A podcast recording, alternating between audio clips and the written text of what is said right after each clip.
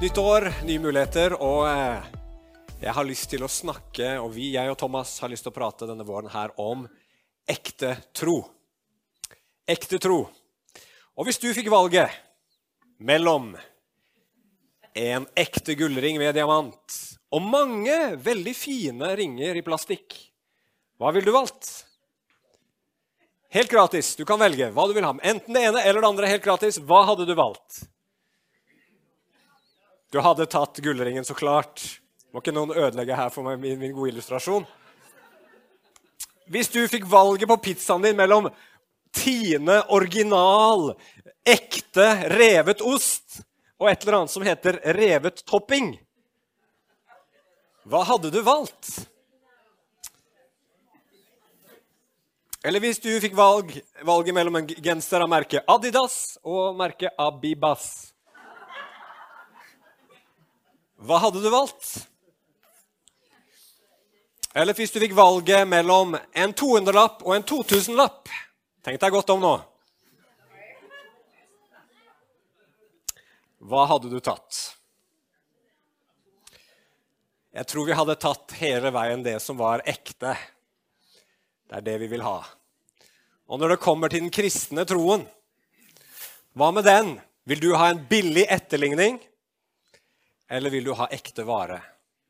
Vil du ha en ekte tro? Og vil du ha den selv om det skulle vise seg at selv om den troen i utgangspunktet var gratis, så kan det komme til å koste deg alt. Vil du fortsatt ha den da? Yes. Jeg tror vi alle sammen her inne, som de fleste mennesker, vil ha det som er ekte. Men hva er det? Hva er den ekte troen? Og da er tanken nå at Vi skal begynne på en serie hvor vi går gjennom apostlenes gjerninger. Og så skal vi prøve å svare på det spørsmålet derfra. Vi skal se på hva de første kristne så og hørte, hva de sa, og hva de levde, og hva det forteller oss om hva ekte tro er. Sånn at vi, du og jeg, i Norge en god del eh, år etterpå kan få lov å leve ut den samme troen. For den har ikke forandra seg. Den troen, sier Judas, er overgitt til de hellige én gang for alle. Det er den samme troen og den ønsker vi å leve i dag også. Eh, Apostlenes gjerninger, hva slags eh, bok er det? Eh, det er en bok som er skrevet av Lukas. Lukas som også har skrevet Lukas' evangeliet, og det vet vi. for I begynnelsen av boka som vi straks skal se, så skriver Lukas til en fyr som heter Theofilos. Vi tror iallfall at det er en fyr. Theofilos betyr 'den som elsker Gud', så det kan hende at det er en litt mer sånn generell tittel. En bok til alle som elsker Gud. Og Så går vi til Lukasevangeliet. I begynnelsen av Lukasevangeliet så ser vi også at den boka er adressert til Theofilus. Og når vi går tilbake igjen da til eh, Apostlenes gjerninger, så ser vi at Lukas der skriver at i den første boken så fortalte jeg om det som Jesus begynte å lære å gjøre. Den første boka er skrevet av Lukas, og så er nå Apostlenes gjerninger oppfølgeren faktisk til Lukas' evangelium. Så den skal vi gå gjennom. Den ble skrevet, tror vi, rundt år 60 av Lukas. da, fordi at den omhandler ikke en del ting som eh, skjedde veldig kort tid etterpå det, nemlig at Paulus døde, martyrdøden, eh, Jerusalem ble ødelagt osv. Det leser vi ingenting om i Apostlenes gjerninger. Så det er en bok fra ca. år 60. Den handler om hva som skjedde med de første kristne. Og så har du fokus på Peter, den første halvdelen, og så er fokus på Paulus i den siste halvdelen. Og det er en spennende historie. Det er en utfordrende historie, og det er en historie full av håp og kraft som jeg ønsker, og som vi ønsker sikkert alle sammen å få del i. Og Derfor skal vi se på dette, denne boka eh, denne våren her. Vi skal begynne i dag med de første 14 versene av boka. Og så er overskriften min 'Fundamentet'. For her skal vi se det som jeg tenker er fundamentet for alt det som skjer videre i boka, og som også er fundamentet for en ekte tro. Og Det er tre ting. Fundamentet vårt er noe historisk, det er noe åndelig, og det er noe himmelsk. Noe historisk, noe åndelig, noe himmelsk. Eller sagt med andre ord fundamentet for troa vår er noe virkelig, noe du kan erfare, og noe som har den høyeste autoritet. Er dere klare for det? Takk for de som eh, viste entusiasme der. Ok, Apostlenes gjerninger, kapittel 1, vers 1. Der står det I min første bok, Gode Theofilos, skrev jeg om alt det Jesus gjorde og lærte fra han begynte, og helt til den dagen han ble tatt opp til himmelen. Da hadde han ved Den hellige ånd gitt sine befalinger til de apostler han hadde utvalgt. Etter å ha lidd døden sto han levende fram for dem med mange klare bevis på at han levde. I 40 dager viste han seg for dem og talte om det som hører Guds rike til. En gang han spiste sammen med dem, påla han dem dette. Dere skal ikke forlate Jerusalem, men vente på det som Far har lovet, det som dere har hørt av meg. For Johannes døpte med vann, men dere skal om noen få dager bli døpt med Den hellige ånd. Mens de var sammen, spurte de ham, Herre, er, det, er tiden nå kommet da du vil gjenreise riket for Israel? Han svarte, det er ikke dere gitt å kjenne tider og stunder som far har fastsatt av sin egen makt. Men dere skal få kraft når Den hellige ånd kommer over dere, og dere skal være mine vitner i Jerusalem og hele Judea, i Samaria og helt til jordens ende. Da han hadde sagt dette, ble han løftet opp mens de så på, og en sky tok han bort foran øynene deres. Som de nå stirret mot himmelen mens han dro bort, sto med ett to menn i hvite klær foran dem og sa, 'Galileere, hvorfor står dere og ser mot himmelen?' Denne Jesus som ble tatt bort fra dere, opp til himmelen, han skal komme igjen på samme måte som dere har sett ham fare opp til himmelen. Da vendte de tilbake til Jerusalem fra den høyden som heter Oljeberget, og ligger nær Jerusalem, bare en sabbatsreise unna. Inn i byen gikk de opp på den salen hvor de pleide å holde til. Det var Peter og Johannes, Jakob og Andreas, Philip og Thomas, Bartolomeus og Matteus, Jakob, sønn av Alfeus, Simon Seloten og Judas, sønn av Jakob. Alle disse holdt trofast sammen i bønn, sammen med noen kvinner og Maria, Jesu mor, og brødrene hans. Skal vi be.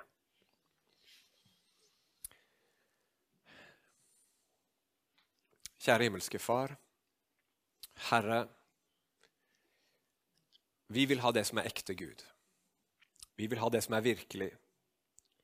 Vi vil ikke ha en tynn suppe. Vi vil ikke ha noe uekte. Vi vil ikke ha noe halvveis. Vi vil ikke ha noe menneskelig. Men Herre, vi vil ha det som du har for oss. Det som du har for alle mennesker, og som du har gitt alle mennesker gjennom Jesus. Gjennom Den hellige ånd som du har sendt. Og gode Gud, vi forstår her at dette her er ikke bare teori. Dette er noe som du må gjøre. Dette er noe som du må åpenbare. Dette er noe som du må virke fram med kraft. Herre, jeg kan si noen ting som sikkert er riktige, og som sikkert er gode. Det ber jeg om, og det ønsker jeg, men Herre, jeg vet også, og det vet vi alle sammen, Herre, at uten deg så kan vi ingenting gjøre. Så Herre, nå som vi skal ha denne serien her, la det bli mer enn en, en god idé. La det bli mer, Herre, enn masse teori om hva kristen tro er for noe, Herre. Men la det bli Jesus, ånd og liv. La det gjøre noe med oss i hverdagen vår. Herre, i hvordan vi bruker tiden vår, hvordan vi fokuserer, hva som blir viktig for oss. Hva vi håper på, hva vi gleder oss over. Hvor vi finner styrken og kraften vår, og hva vi gjør med det budskapet du har gitt oss i forhold til andre mennesker. Kjære Herre, vi ønsker å ha en ekte tro. Og Hellige Ånd, må du bare vekke oss opp i dag og i, i, i, løpet av denne våren, sånn at vi kan få komme dypere i denne troen. Vi kan komme inn i denne troen hvis vi ikke er, det, er der allerede, og at vi kan få komme dypere i den, Herre. Det ber vi om i Jesu navn. Amen.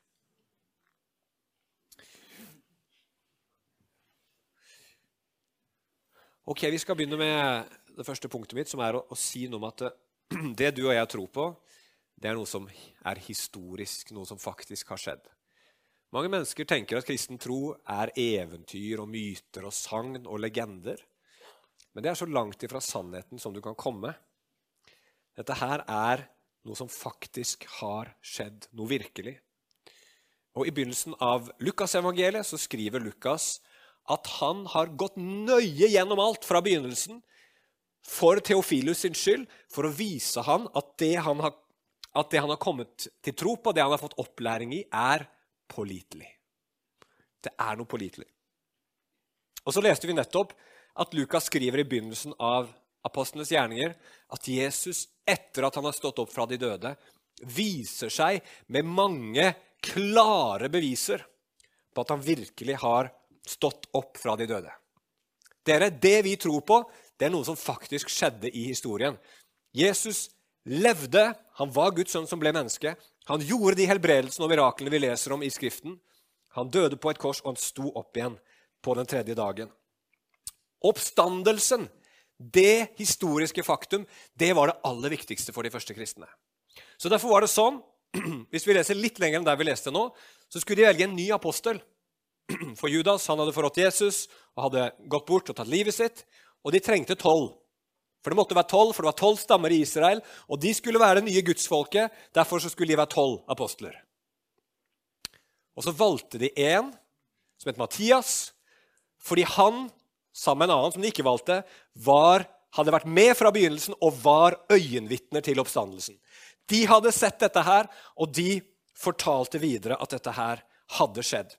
Og Hvorfor er det så viktig? Jo, i Romerbrevet så sier Paulus følgende Romerbrevet 1, 3-4. Det er evangeliet om Hans Sønn, Jesus Kristus, vår Herre, kommet som menneske av Davids ett, ved Hellighets ånd stadfestet som Guds mektige sønn ved oppstandelsen fra de døde. Det at Jesus sto opp fra de døde, er bekreftelsen på at ikke bare, at ikke bare Jesus eksisterte og døde på et kors, men at han var Guds egen sønn. At han bar vår synd på det korset, at han betalte for det, og at han virkelig seira over døden, seira over djevelen og seira over alt mørke. De første kristne gikk ikke rundt og sa og vi føler at dette er riktig, vi føler at dette er sant. Og siden vi føler at det er sant, så må dere også tro på det. Nei, De gikk rundt og sa dette her vet vi er sant. For vi har med våre fysiske øyne sett Jesus dø på et kors. Han var stein død. Men så tre dager etterpå så så vi han levende igjen. Og han var helt forvandla. Og han skal aldri mer dø. Og vi har sett han reise opp til himmelen. Han er Guds sønn. Det var et faktum. Det skjedde virkelig. Og Så kan jo noen mennesker si da, ja, men ok, de som levde da, det var kanskje lett for dem å tro. Fins det noen gode grunner for oss til å tro at Jesus faktisk sto opp fra de døde? Det er jo så lenge siden. Kan vi tro på det i dag? Og det kan vi, og det fins mange gode grunner til det. Og i den teksten vi nettopp leste nå, så er det en veldig artig detalj som vi ikke tenker over, men som er et bevis på at Jesus står fra de døde. Og hva er det? Jo, helt i slutten av det vi leste, i Apostlenes gjerninger kapittel 1 vers 14, så står det at Jesus sine brødre var blant de første kristne som var eh, eh i, i Jerusalem på den tiden aller, den aller mest kjente av Jesus sine brødre het Jakob. Og Han er kjent fordi at han skrev et brev som vi har i Bibelen, som heter Jakobs brev. Men også fordi han var en av hovedlederne i menigheten i Jerusalem. Og Det vet vi ikke bare fra Bibelen. Det fins en jødisk historiker som heter Josefus, som også skrev at han var leder for menigheten i Jerusalem. Så det der er et, eh, er et faktum. Jesu brødre trodde rett før pinsedag, etter at Jesus hadde stått opp. Men så er det også et veldig interessant faktum, og det at Jesus sine brødre ikke trodde på ham tidligere i livet til Jesus. Hvis du f.eks. leser i Matteus kapittel 13, vers 53-56, eller i Johannes 7,5, så står det helt klart at Jesus sine brødre ikke trodde på ham. Ikke nok med det, de trodde han var gal. De trodde han hadde gått fra forstanden. Og så kan noen noe si ja, men det står i Bibelen. Hvordan kan vi vite at det er sikkert? Jo, det er sikkert fordi at Hvis noen skulle finne på å skrive noe sånt i Bibelen, at de som kjente Jesus best, ikke trodde på ham, så er jo den eneste grunnen til at man skal skrive noe sånt, hvis man skal prøve å overbevise mennesker om at dette her er sant å si ja, han her er Guds sønn, han her gjorde alle disse miraklene. Eh, av en eller annen grunn så trodde ikke brødrene hans på han. Hvorfor skulle man fortelle det hvis man prøver å overbevise mennesker? Den eneste grunnen til at man skulle fortelle noe sånt, var at det faktisk var sant. De trodde ikke på han. De trodde ikke at han var Guds sønn. De trodde ikke på det han sa. De trodde han var en mann med vrangforestillinger. Men på et eller annet tidspunkt så snudde alt det der. Og hva var det? Jo, vi ser at før oppstandelsen så trodde de ikke på han, og etter oppstandelsen så trodde de på han. Og hva var det som skjedde? Jo, vi leser i 1. Korinterbrev kapittel 15 vers 7. Der står det om Jesus, alle de menneskene som han viste seg for etter at han sto opp fra de døde. Og i vers 7 så står det deretter ble han sett av Jakob, som var en av Jesus sine brødre. Og det der er den eneste gode forklaringen på at Jesus sine brødre trodde han var gal og plutselig trodde han var Guds sønn. Hva kan, for, hva kan forklare en sånn dramatisk forandring fra det ene øyeblikket til det andre?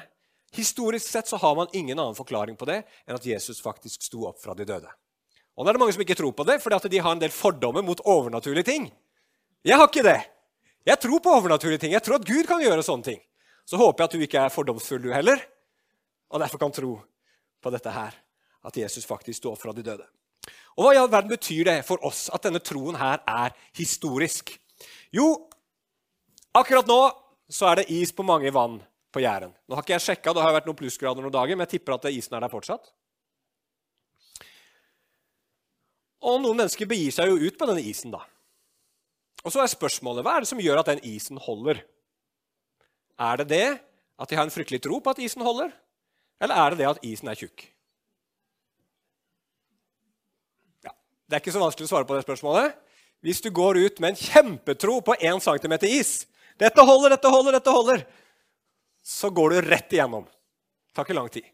Hvis du går skjelvende ut på 50 cm is, du er livredd Du tror dette kommer aldri til å gå, dette kommer aldri til å gå. Så går du ut på isen, og den holder. Det er styrken i isen som er avgjørende. Og Sånn er det med troen vår. Det var veldig fint det som Kurt fortalte her nå nettopp. Om denne mannen som satt i fengsel så kommer han ut, og så blir han spurt. Han satt i fengsel for Jesus sitt navns skyld. Så kommer han ut, og så spør de han, holdt troen. Nei, troen holdt ikke. Den brast. Jeg svikta. Men Jesus holdt! Og det er det sann tro er. Sann tro handler ikke om deg og din evne til å liksom tro på noe, men det handler om det du tror på. Er det sant eller ikke? Og Jesus, at han virkelig var Guds sønn, at han sto opp igjen, at han har dødd for våre synder, og at han er verdens frelser, det er sant. Det har skjedd. Og om din tro er som et sennepsfrø, svak og liten, men du tror på Han, så holder det. Halleluja. Og det her, vet du, At dette her bare er et faktum, noe som virkelig har skjedd, det er jo nok å bygge troen vår på. Å gå og fortelle andre om dette her. At Jesus faktisk døde og sto opp igjen, og at gjennom han så kan vi ha håp. Men punkt nummer to det fins noe mer. Kristen tro er mer enn bare historie, mer enn bare en historisk virkelighet. Det er noe åndelig som du kan erfare akkurat nå, akkurat her. Jesus han sier til apostlene at dere skal være mine vitner. Det er deres kall, og det er vårt kall også som Jesus' sine disipler. Og hvordan skal de være det? Jo, fordi de har sett oppstandelsen. De, de, de, de de har liksom opplevd dette historiske faktumet, men også fordi at, som i vers 5 sier, dere skal bli døpt i Den hellige ånd. Og som vers 8 sier, dere skal få kraft idet Den hellige ånd kommer over dere. Vet dere hva? Kristen tro er ikke bare noe som historisk har skjedd og er virkelig på den måten, men det er en virkelighet som du også kan få erfare nå i dag, 2000 år seinere. Du kan få erfare at det er virkelig og at det er sant idet Den hellige ånd kommer inn i deg, idet Gud kommer inn i deg og gjør kristen tro til noe mer enn bare teori. Det blir noe som lever på innsiden, og noe som begynner å leve også gjennom deg. Og da blir du et vitne. Det lever i deg og det lever gjennom deg. Da er du et vitne for Jesus. Ole Hallesby har sikkert mange hørt om, eller noen hørt om i hvert fall. Kjent eh, eh, kristen høvding for mange år siden. Han skrev en, eh, en, bok som het 'Hvorfor jeg er en kristen'. Eh, og Det er en veldig forvirrende tittel. For jeg føler ikke han forklarer noen ting hvorfor han er en kristen. på et vis. Han, han gjør det, Men jeg, når, jeg, når jeg så den tittelen, tenkte jeg nå kommer han med masse argumenter for hvorfor han er en kristen. Men det gjør han ikke. Istedenfor sier han det her. Hvis du ønsker å vite om kristen tro er sann, så begynn å leve som om den er sann. Prøv å leve etter Jesus sitt dobbelte kjærlighetsbud. Elsker de neste som deg selv og elsker Gud. Hva vil du erfare da? Jo, Da kommer du til å oppdage at det der klarer ikke du. Det der får ikke du til. Du klarer ikke å elske de neste som deg selv. Og du begynner å skjønne at her trenger jeg tilgivelse. Her trenger jeg nåde. Her trenger jeg hjelp. Og så ber du da om tilgivelse og nåde. Og så vil du, hvis du først har skjønt at her har jeg et behov, også erfare at Gud gir deg tilgivelse og nåde. Du får erfare kraften og realiteten og virkeligheten i det. Og hva er det? Jo, det er Den hellige ånd, som tar teorien i den kristne tro, nemlig at du trenger tilgivelse, og gjør det til en virkelighet og en realitet i ditt liv.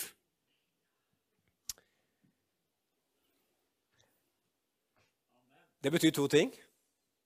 Kristen tro er noe som du kan erfare. Og for det andre så gjør du den erfaringen når du lytter til det som Gud sier. Når du tar det på alvor og merker at her er det en mangel i mitt liv, her er det noe som ikke fungerer, her er det et tomrom i meg.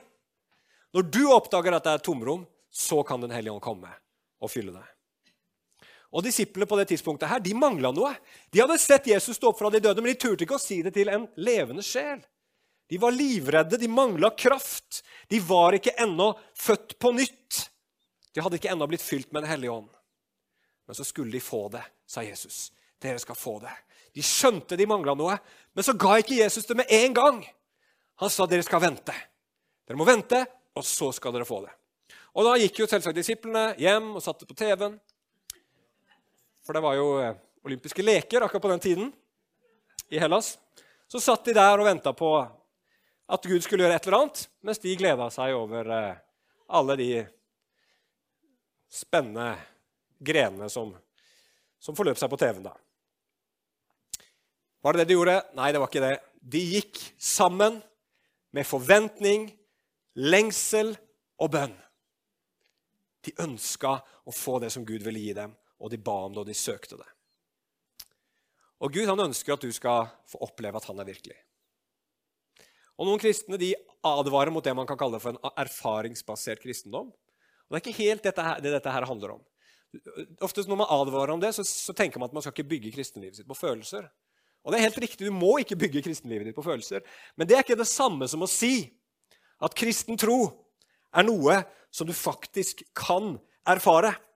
Da jeg var 18 år gammel, så opplevde jeg å bli fylt med Den hellige ånd.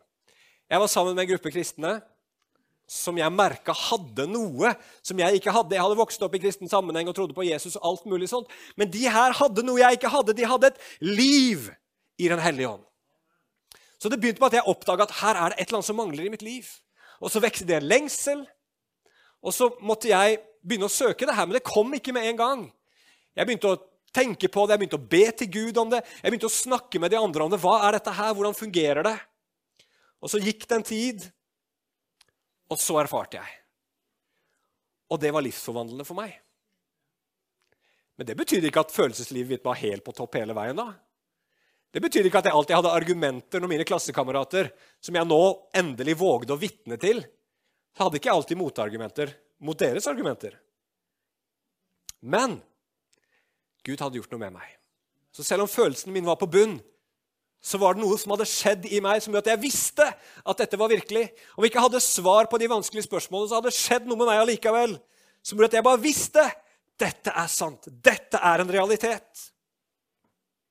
Og Gud vil at du også skal få erfare det. At det du tror på, er mer enn bare teori. Det er en levende, åndelig virkelighet. Og Vi skal snakke mer om det neste søndag, men la meg bare si det her.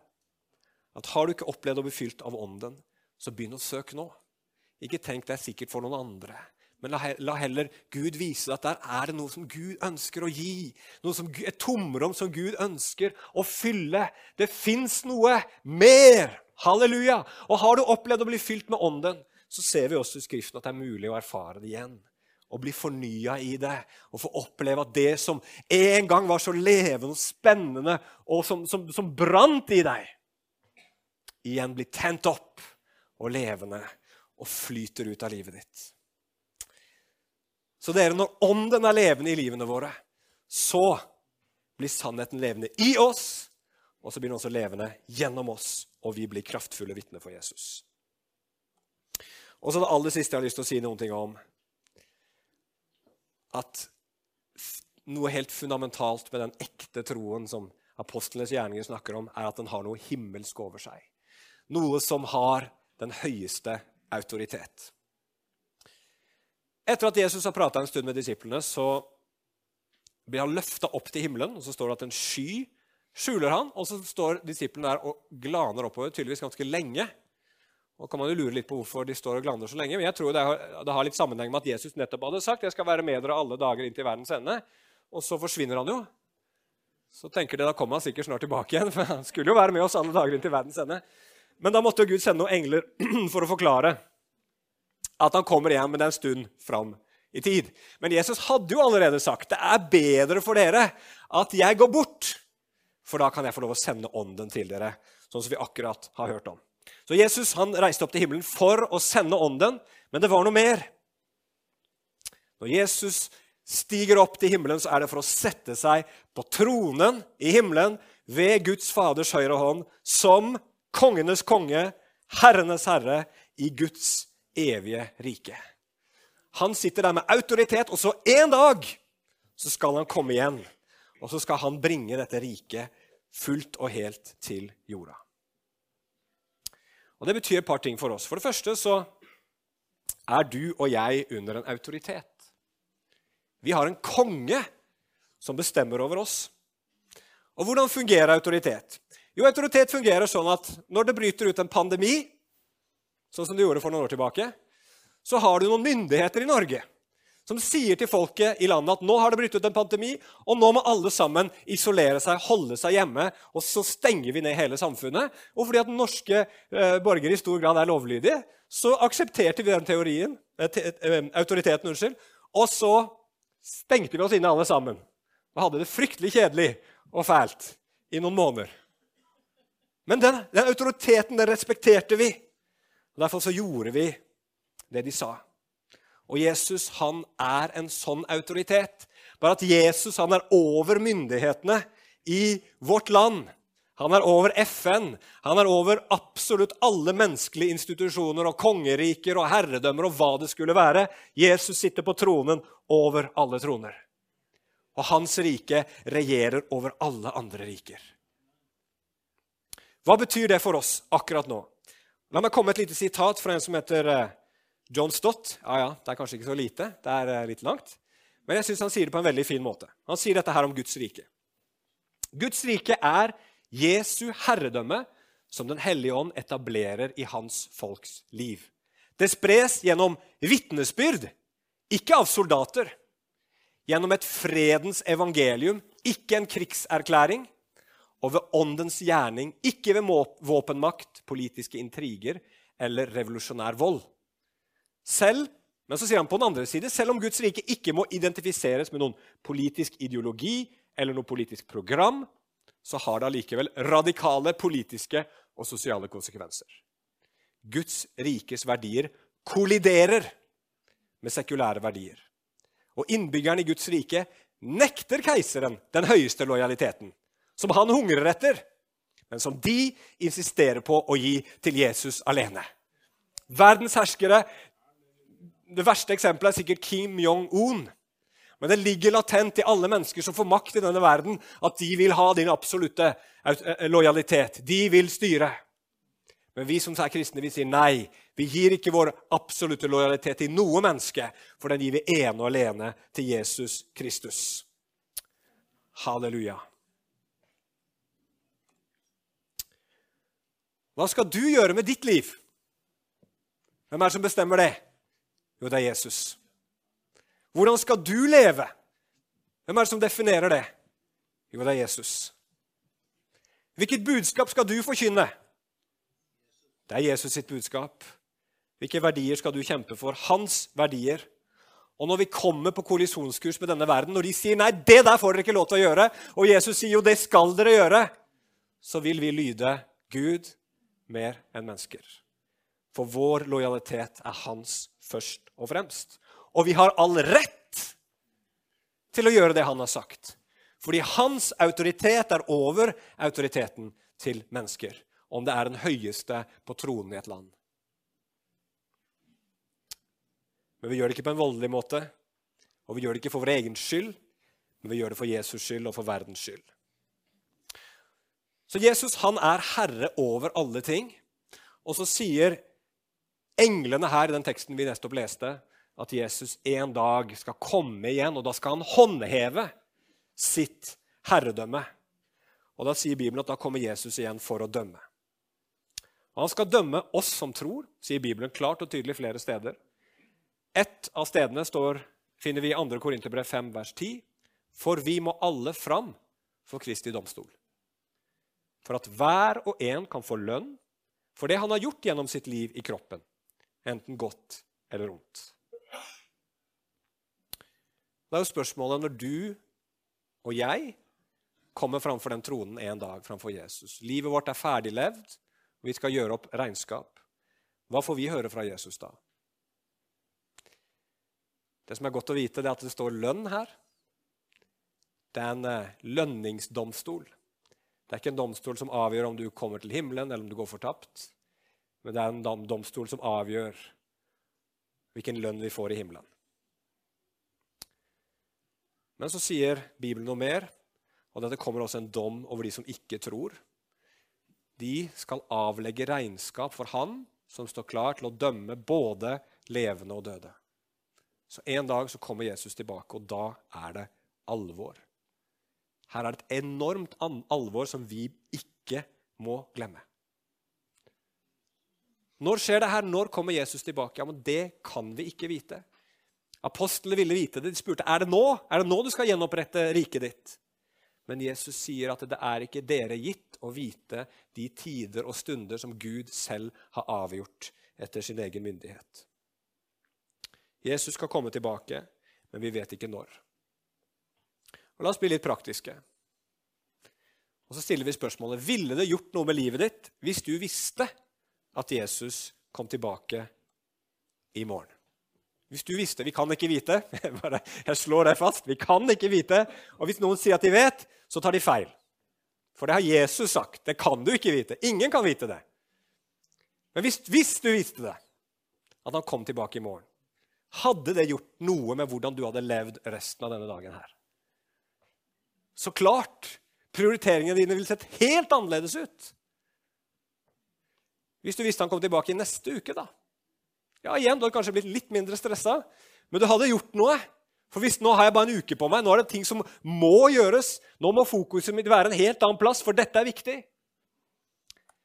Hvis det var neste måned, litt mindre stress kanskje, men fortsatt så hadde du kjent at her er det noe som jeg må ta tak i, og det haster.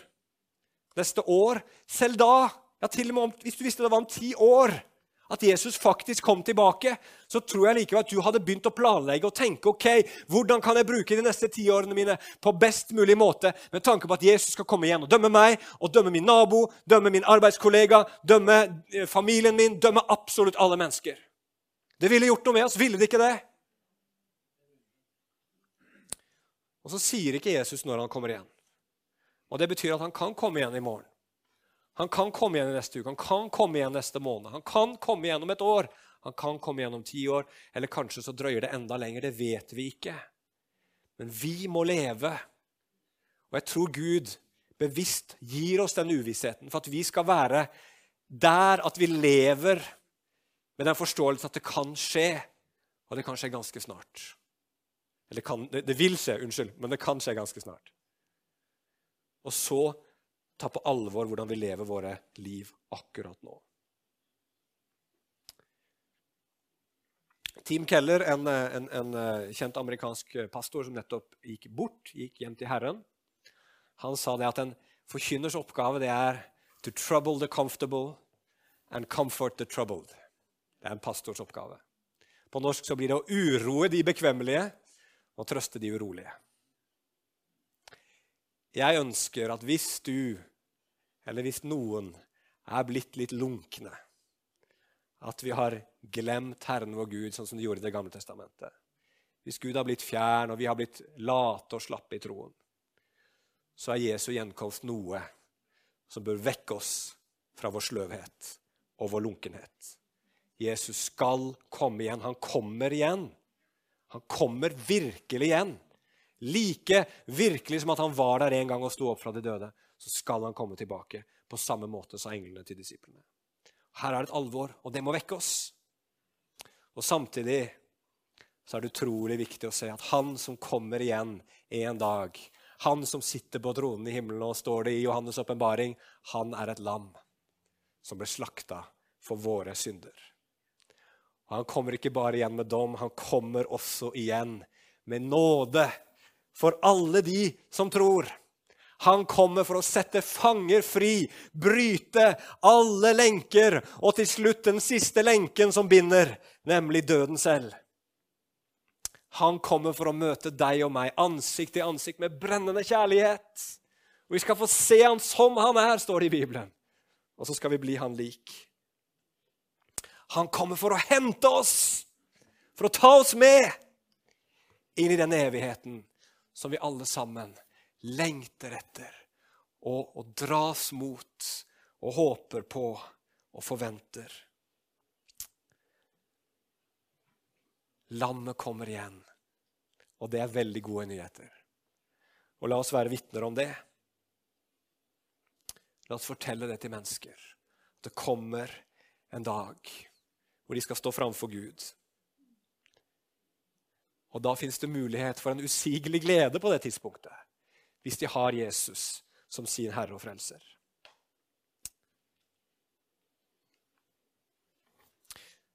Hva er fundamentet som vi leser om i begynnelsen av apostlenes gjerninger?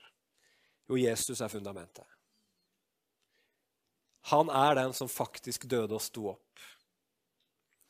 Han er den som lever i oss ved Den hellige ånd, vi som tror. Og han er den som en dag skal komme igjen for å frelse sine og for å dømme verden. Har du bygd livet ditt på det her?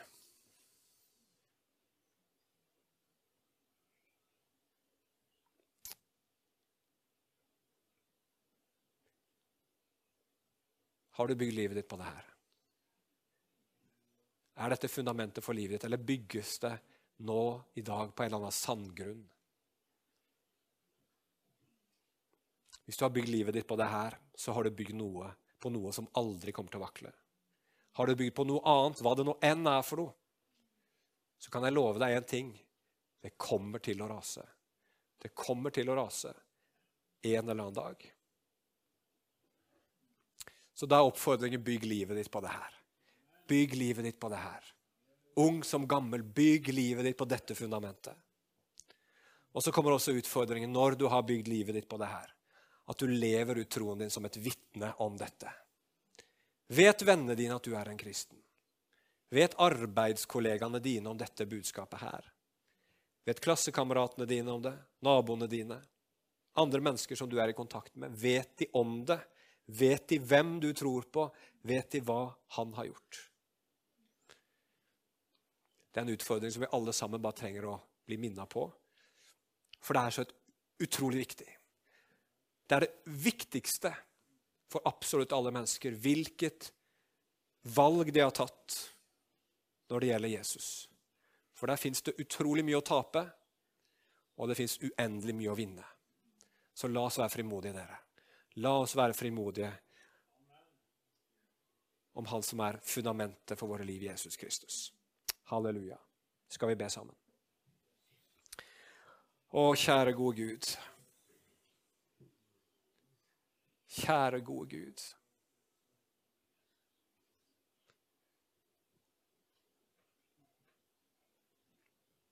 Helligånd, må du komme nå, Helligånd,